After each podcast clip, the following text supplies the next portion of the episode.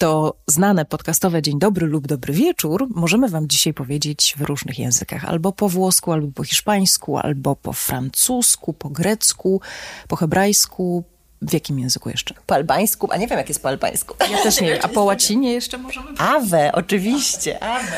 A to wszystko dlatego, że podcast, y, który właśnie debiutuje i który nazywa się tak jak strona Lente mm, o kulturze śródziemnomorskiej, będzie właśnie tego Śródziemnomorza w szerokim kontekście mm, dotyczył. Jesteśmy co prawda w mieszkaniu autorki, czyli Julii Wolner na warszawskim Żoliborzu, ale to jest dom bardzo śródziemnomorski. Ona o tym za chwilę opowie.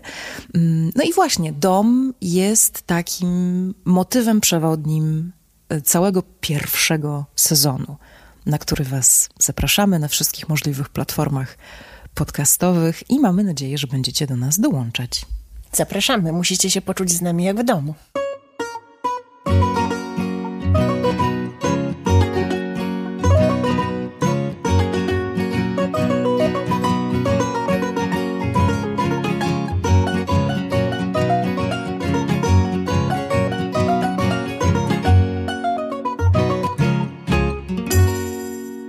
Juleczko, a możesz się przedstawić nam tutaj w podcastowych y, zakamarkach, bo jeszcze cię tu nie było, a działasz y, bardzo prężnie w Polsce od wielu lat właśnie y, w tym, żebyśmy mieli trochę tego śródziemnomorskiego słońca, czy na Żoliborzu w Warszawie, czy na Sadybie, czy na Mokotowie, czy w Radomiu, w Kielcach, w Zakopanym, w Gdyni, w Łodzi. Mam na imię Julia.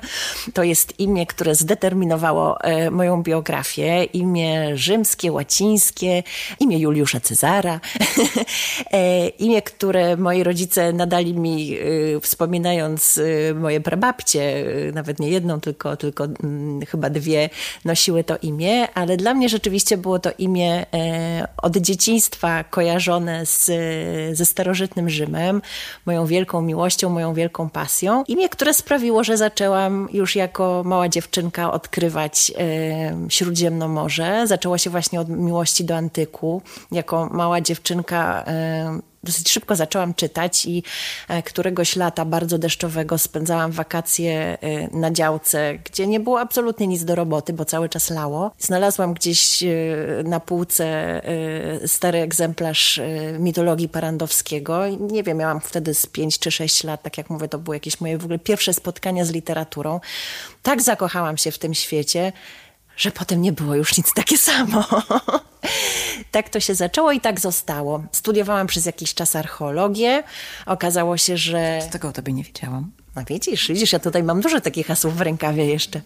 E, archeologia wybrana właśnie z miłości do antyku, ale okazało się, że jestem osobą bardzo mało techniczną i zdecydowanie bliższe mi jest słowo e, niż gest w tym znaczeniu mm, kopania, e, no właśnie pracy fizycznej. W związku z tym e, dosyć szybko zmieniłam to na studia literackie, na italianistykę.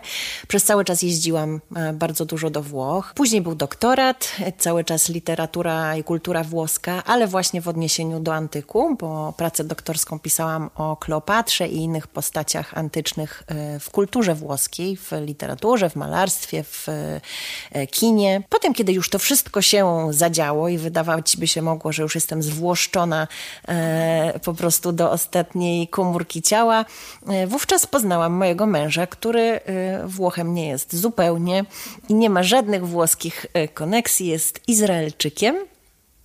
I to się pięknie wymieszało, naprawdę. I to się bardzo pięknie wymieszało. Wzięliśmy ślub, pojawiły się trzy Izraelki małe, które e, w naszym domu e, hałasują. W międzyczasie pojawiła się w moim życiu Hiszpania, to dla odmiany za sprawą moich rodziców, którzy, którzy tam pomieszkują.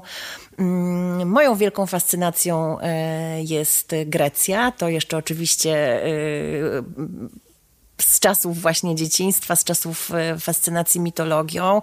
E, Grecję odkrywam e, cały czas, troszkę z innego punktu widzenia, bo nie mam tej podbudowy, że tak powiem, teoretycznej. Nie studiowałam nigdy języka greckiego ani tej literatury na uniwersytecie, ale jest to kraj dla mnie bardzo ważny i cały czas w moim życiu również obecny. Także miesza się bardzo wiele tych wątków. Mm, to, co jest dla mnie ogromnie ważne i jakoś tak przyświeca mi w, w mojej pracy, pracy i w mojej codzienności, to takie przekonanie, e, że w życiu w ogóle, ale może w tym życiu śródziemnomorskim w sposób szczególny, wszystko jest ze sobą w jakiś sposób e, połączone. Świat jest takim systemem znaków, e, które wpływają na siebie wzajemnie, wzajemnie z siebie wypływają. Jest taki, taki piękny cytat z Marka Aureliusza, który całkiem niedawno mi wpadł w ręce. Zaczytywałam się podczas ostatniego urlopu właśnie w rozmyśleniach Marka Aureliusza, do których bardzo lubię wracać i, i nawet wam przeczytam, bo to bardzo jakoś tak ładnie wszystko podsumowuje.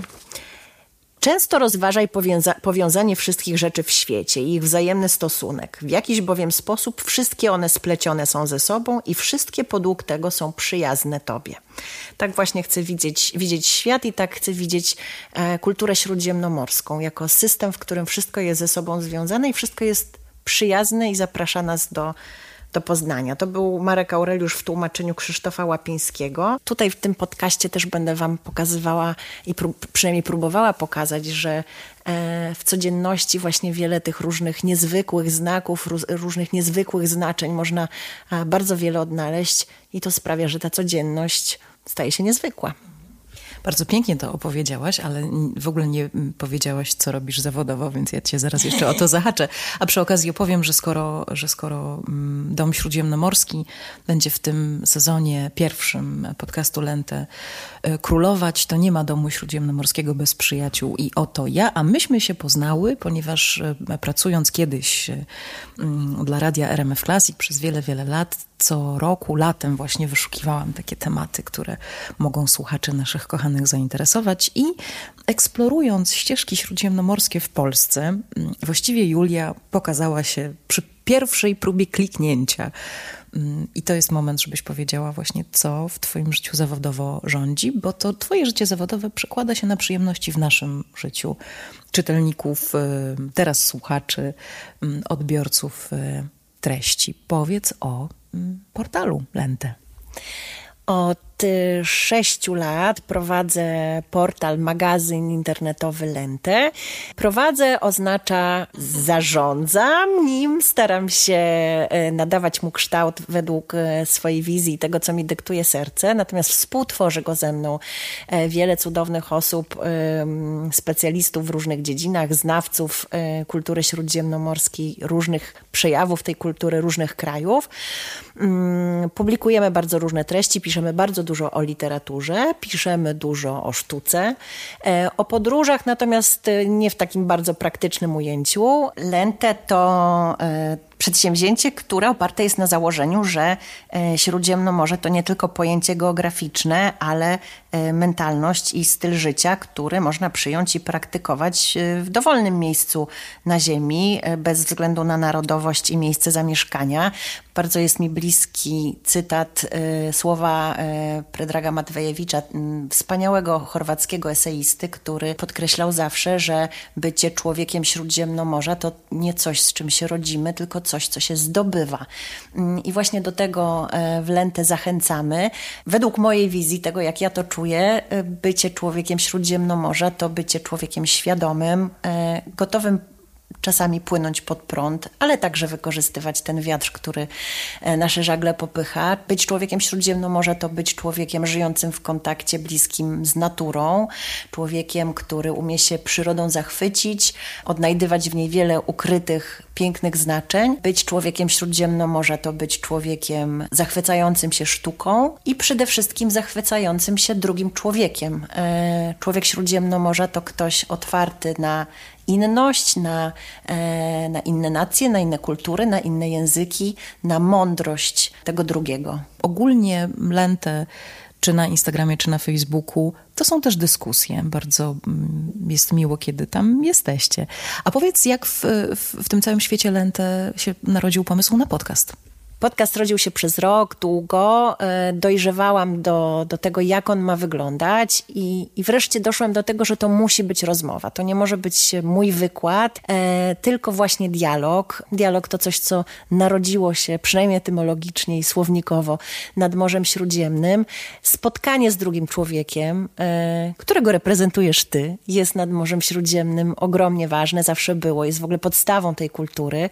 Mm, a dla mnie szalenie ważna jest w ogóle filozofia spotkania. Moim ulubionym e, filozofem jest Martin Buber, żydowski e, filozof, który mawiał, że całe prawdziwe życie jest spotkaniem. Więc jeśli to odwrócimy, to mamy tutaj prawdziwe życie. No i o tym właśnie chcemy rozmawiać.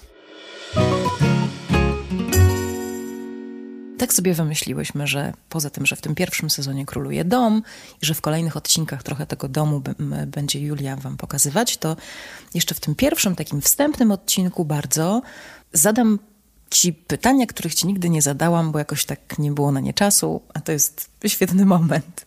Ja jestem y, dziennikarką, zajmuję się zadawaniem pytań zawodowo, y, głównie muzycznych y, i filmowych, mm, ale ta przyjaźń z Julią rozszerza moje horyzonty, więc też wielu rzeczy się dowiaduję. Mm, I są to rzeczy bardzo ciekawe. Czy jesteś gotowa na pytania, których ci nigdy nie zadałam? Spróbujmy. Dodajmy, że siedzimy w salonie, w, w mieszkaniu Julii na kanapach i to jest naprawdę taka prywatna rozmowa z małym mikrofonem tak, jak doczepionym. Jak, jak powiedziałaś o tym rozszerzeniu horyzontów, to pomyślałam o, o rozszerzeniu bioder i wspólnym zajadaniu makaronu, lodów i innych też. cudowności śródziemnych. Trochę rzeczy zjadłyśmy pysznych w życiu już. No. Pierwsze pytanie. Jak często ludzie pytają cię, skąd jesteś? Bo oczywiście możecie sobie to sprawdzić, że Julia jest przepiękną kobietą, ale wyraźnie o urodzie południowej. Znaczy, mówmy się, no, nie masz takich, wiesz, nie masz blond włosów długich i niebieskich oczu. Oczy mam niebieskie, to co podobne jest cechą sycylijską, więc też można to podciągnąć. Ciemne włosy i niebieskie oczy. Rzeczywiście ludzie mnie pytają, skąd jestem bardzo często.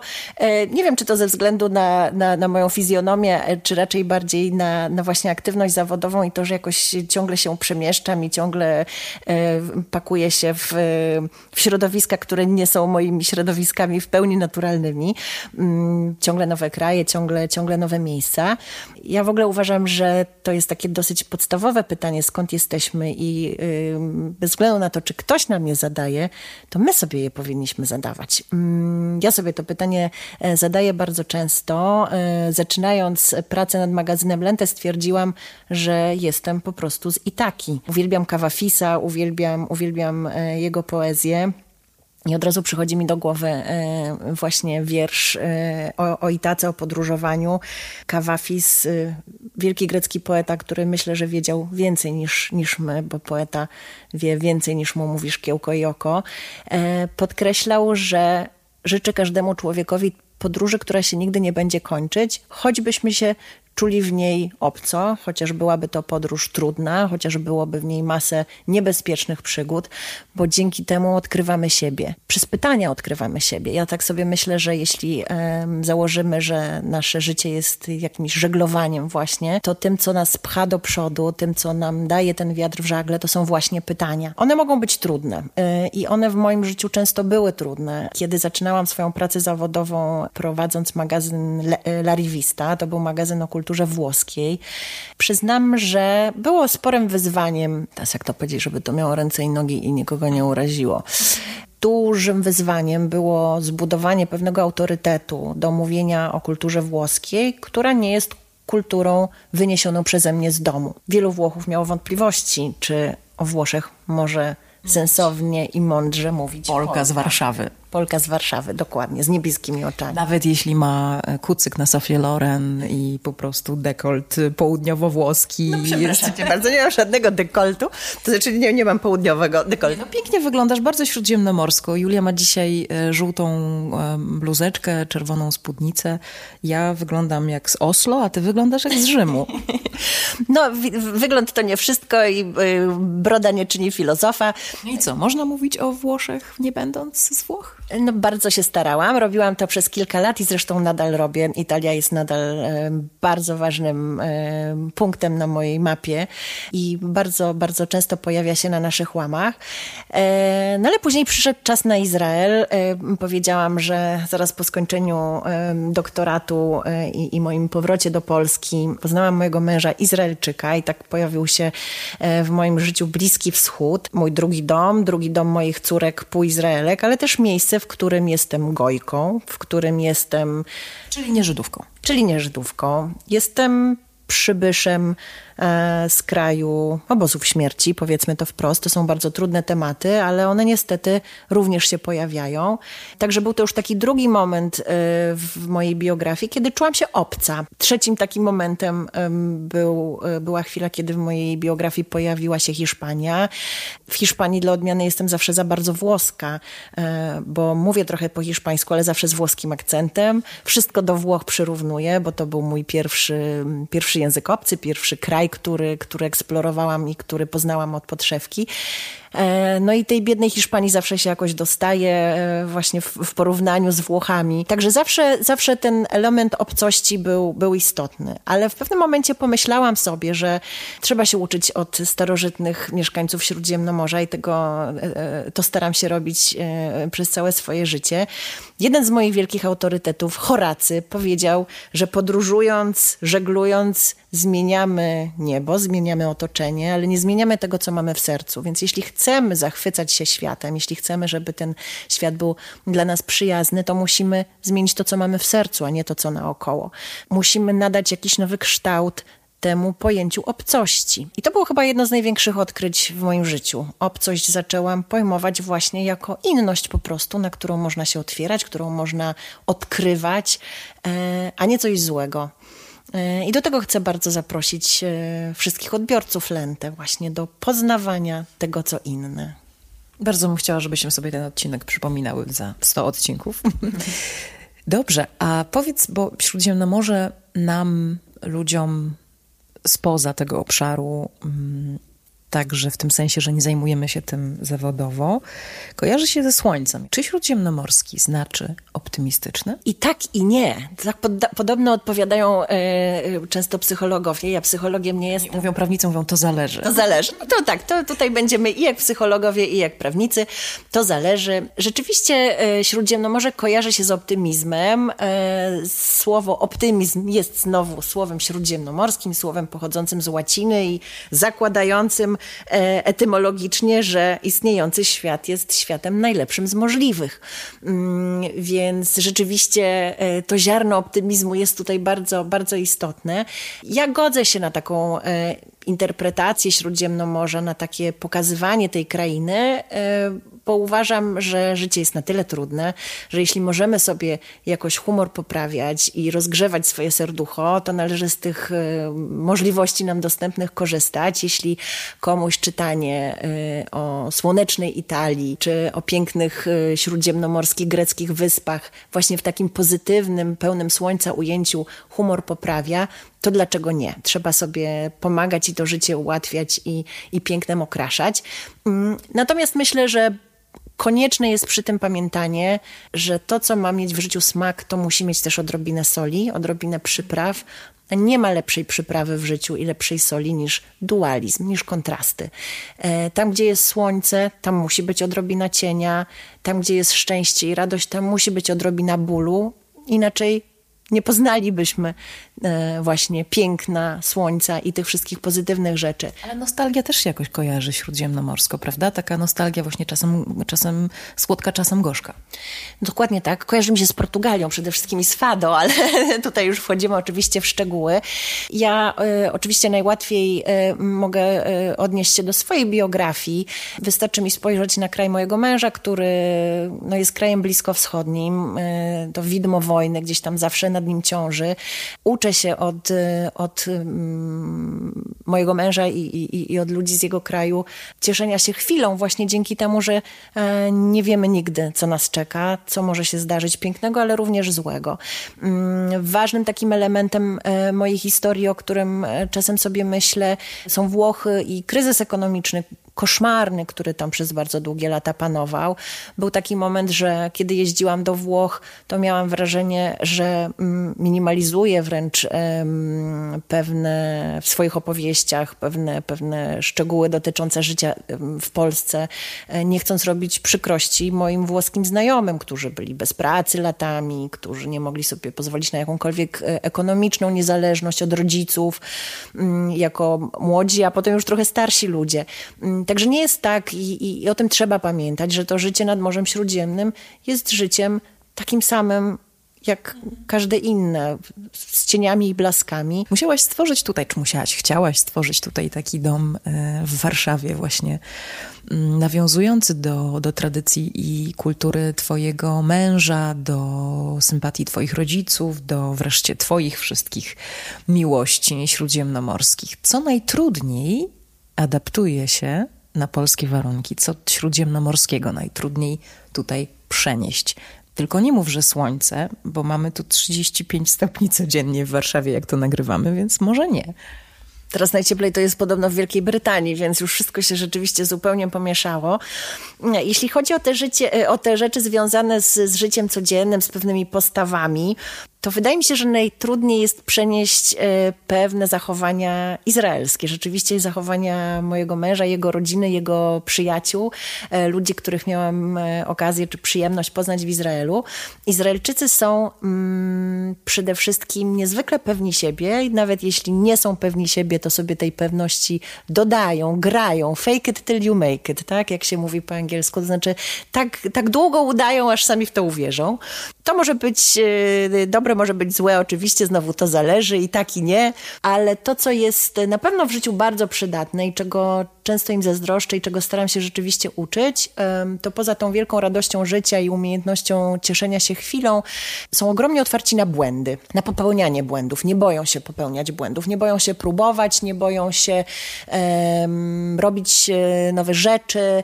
Mają w sobie dużo takiego właśnie otwarcia, także na porażkę. Takie przekonanie, że porażka jest też po coś, że czegoś nas uczy i rzeczywiście wcielają to w życie. Myślę, że my jako naród jesteśmy dużo bardziej zachowawczy, co ma swoje plusy i minusy, ale ja rzeczywiście staram się od męża tego otwarcia na nowe doświadczenia bardzo, bardzo uczyć. Uczę się od niego też e, podejścia do życia, które kiedyś, e, kiedy zaczęliśmy się spotykać, określił e, jako wieczne wakacje. Mój mąż jest absolutnie przekonany, że życie jest po to, żeby się dobrze bawić.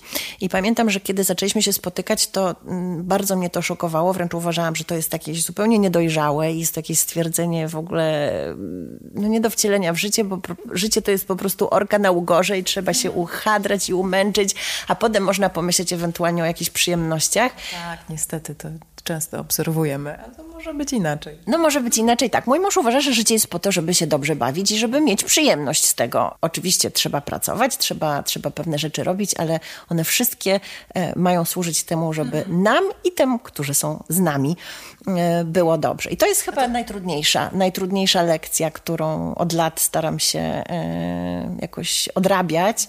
Mogę Wam obiecać, że Uri, czyli mąż Julii, jako stuprocentowa recepta ze stuprocentową skutecznością na optymizm pojawi się w tym podcaście. Jakoś tak pomyślałyśmy, że w pierwszym odcinku będzie tak, że rodzinę przeprosimy i wyrzucimy, wyrzucimy na chwilę. Ale potem oni się będą pojawiać, będzie tutaj głośno i kolorowo. A powiedz, jak twoi rodzice zareagowali na twoje wybory multikulturowe, szerokie i mm, no, że, że, że ty będziesz w świecie i to właśnie w tę stronę południa.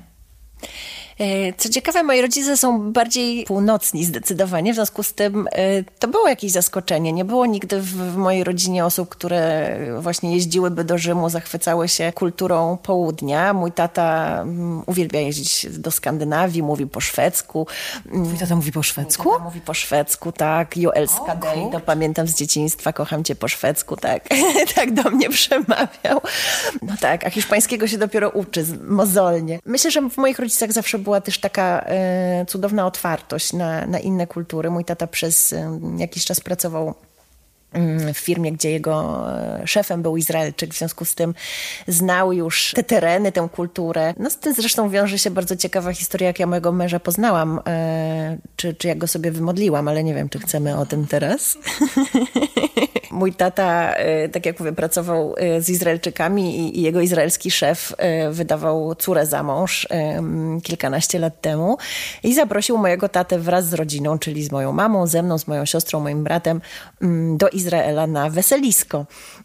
W ramach tej wizyty w Izraelu, która dla nas była pierwszą wizytą w tym kraju, mieliśmy również kilka wycieczek z przewodnikiem mm, i pojechaliśmy do Jerozolimy. Mm, udaliśmy się oczywiście pod ścianę płaczu, bo to przecież taki żelazny punkt e, wizyty w tym mieście. I tam, kiedy, kiedy stałam sobie obserwując tę ścianę płaczu, zbliżyła się do mnie jakaś starowinka e, i powiedziała, że mm, widzi po mnie, że bardzo potrzebuję konkretnej modlitwy którą ona ma dla mnie spisaną na kawałeczku kartki. Podała mi tę kartkę. Na kartce było napisane po angielsku Prayer for a Good Husband, czyli modlitwa o dobrego męża. I ja jakoś tak, w, nie wiem, w jakiejś takiej zupełnej hipnozie odmówiłam tę modlitwę. Te karteczki z modlitwami teoretycznie powinno się włożyć między kamienie tejże ściany. Ja tego nie zrobiłam. Ta karteczka jest ze mną do dziś, ale rzeczywiście modlitwę odmówiłam. Możesz pokazywać mężowi tą karteczkę, jak będzie na przykład krzyczał albo coś będzie zły, to możesz mu popatrz, widzisz, tu jest good husband. tak robię. Co więcej, pokazuję czasami tę karteczkę moim czytelnikom, którym już kilkakrotnie tę historię opowiadałam i później mm, sypią się wiadomości na Instagramie, czy mogę zrobić zdjęcie tej karteczki, żeby tę modlitwę... dokładnie stanąć. Dokładnie. No ale rzeczywiście było tak, że tę, tę modlitwę y, odmówiłam. Y, wzięłam udział w weselisku córki szefa mojego, mojego taty. Przyjechałam do Polski. No i nie wiem, chyba za dwa tygodnie minęły i poznałam mojego dzisiejszego męża i tatę moich e, trzech córeczek, czyli no coś, coś tam zadziałało, coś tam się zadziało. Niezła skuteczność. To było czwarte pytanie ode mnie, jeszcze jedno w tym odcinku, a na resztę oczywiście zapraszamy Was na następne. Y, to ostatnie pytanie będzie dotyczyło mm, bardziej, to czy będzie intymne. Dlaczego mam tatuaż Mirtu? Bo jesteś moją przyjaciółką. Proszę Państwa, jak będziecie się ze mną przyjaźnić, to będziecie mieli różne fajne tatuaże. Mm, ja jestem ogromną miłośniczką przyrody śródziemnomorskiej. W kulturze śródziemnomorskiej tej symboliki związanej z roślinami jest bardzo, bardzo wiele i w zasadzie każda roślina śródziemnomorska ma jakąś niezwykłą historię, mm, przywołuje przeróżne mity, przeróżne opowieści, łączy się z losami przeróżnych bohaterów. Taką rośliną jest właśnie mirt. To roślina poświęcona bogini Afrodycie. Według e, greckiej i rzymskiej mitologii, kiedy bogini e, Afrodyta wyłoniła się e, przy brzegach Cypru z piany, oczywiście zaraz ją tam jacyś śmiałkowie chcieli podglądać. No i ta biedna Afrodyta czymś się musiała zasłonić i zasłoniła swoje wdzięki właśnie gałązką mirtu. Od tego czasu mirt jest, jest poświęcony bogini piękna, bogini bogini miłości, jej sanktuaria, jej świątynie właśnie e, w gajach mirtowych e, były mm, wznoszone. E, no więc to pierwsze skojarzenie, miłość, piękne uczucia, piękno w ogóle. Ja wam jeszcze powiem, jak to było, kiedy rok temu zadzwoniłam do ciebie, czy nie wiem, czy, czy przyszłam i rozmawiałyśmy i mówię, wiesz, jest taki ważny moment w moim życiu, bardzo mm, czas na tatuaż, taki malutki, ale jakoś tak czuję, że to ty powinnaś mi powiedzieć, co to ma być. I Julia bez wahania, po prostu w dwie sekundy, no Mirt.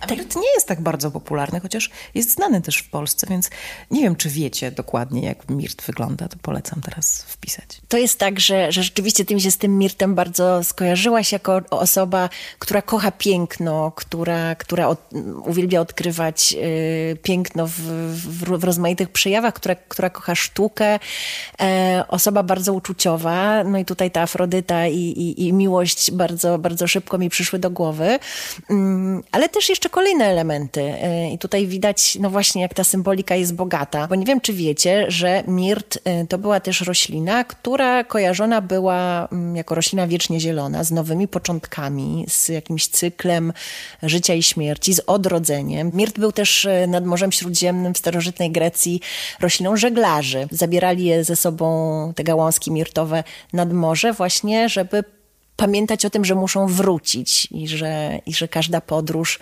łączy się z powrotem do domu i że ten dom zawsze znajdujemy. E, także to jest, to jest kolejny element tej symboliki. Jest ich jeszcze więcej. Mirt to była też roślina, e, którą wręczano żołnierzom wracającym z bezkrwawej wojny. Jeśli udało się uniknąć krwawych bitew, zabijania tego, co złe, e, stoczyć pewne boje pokojowo, to znaczy wywalczyć coś, dojść do, do, do celu właśnie w sposób pokojowy, to, to ten mirt właśnie e, był takim, takim żołnierzom e, wręczany. No tak, myślę, że poruszyłyśmy dużo takich wątków, które są warte rozwinięcia. Mm, I będziemy to robić. Trzymajcie za nas kciuki. To był pierwszy z wielu, wielu, wielu odcinków podcastu Lente o kulturze śródziemnomorskiej, a w tym pierwszym sezonie dom jest obowiązującym tematem. Do usłyszenia.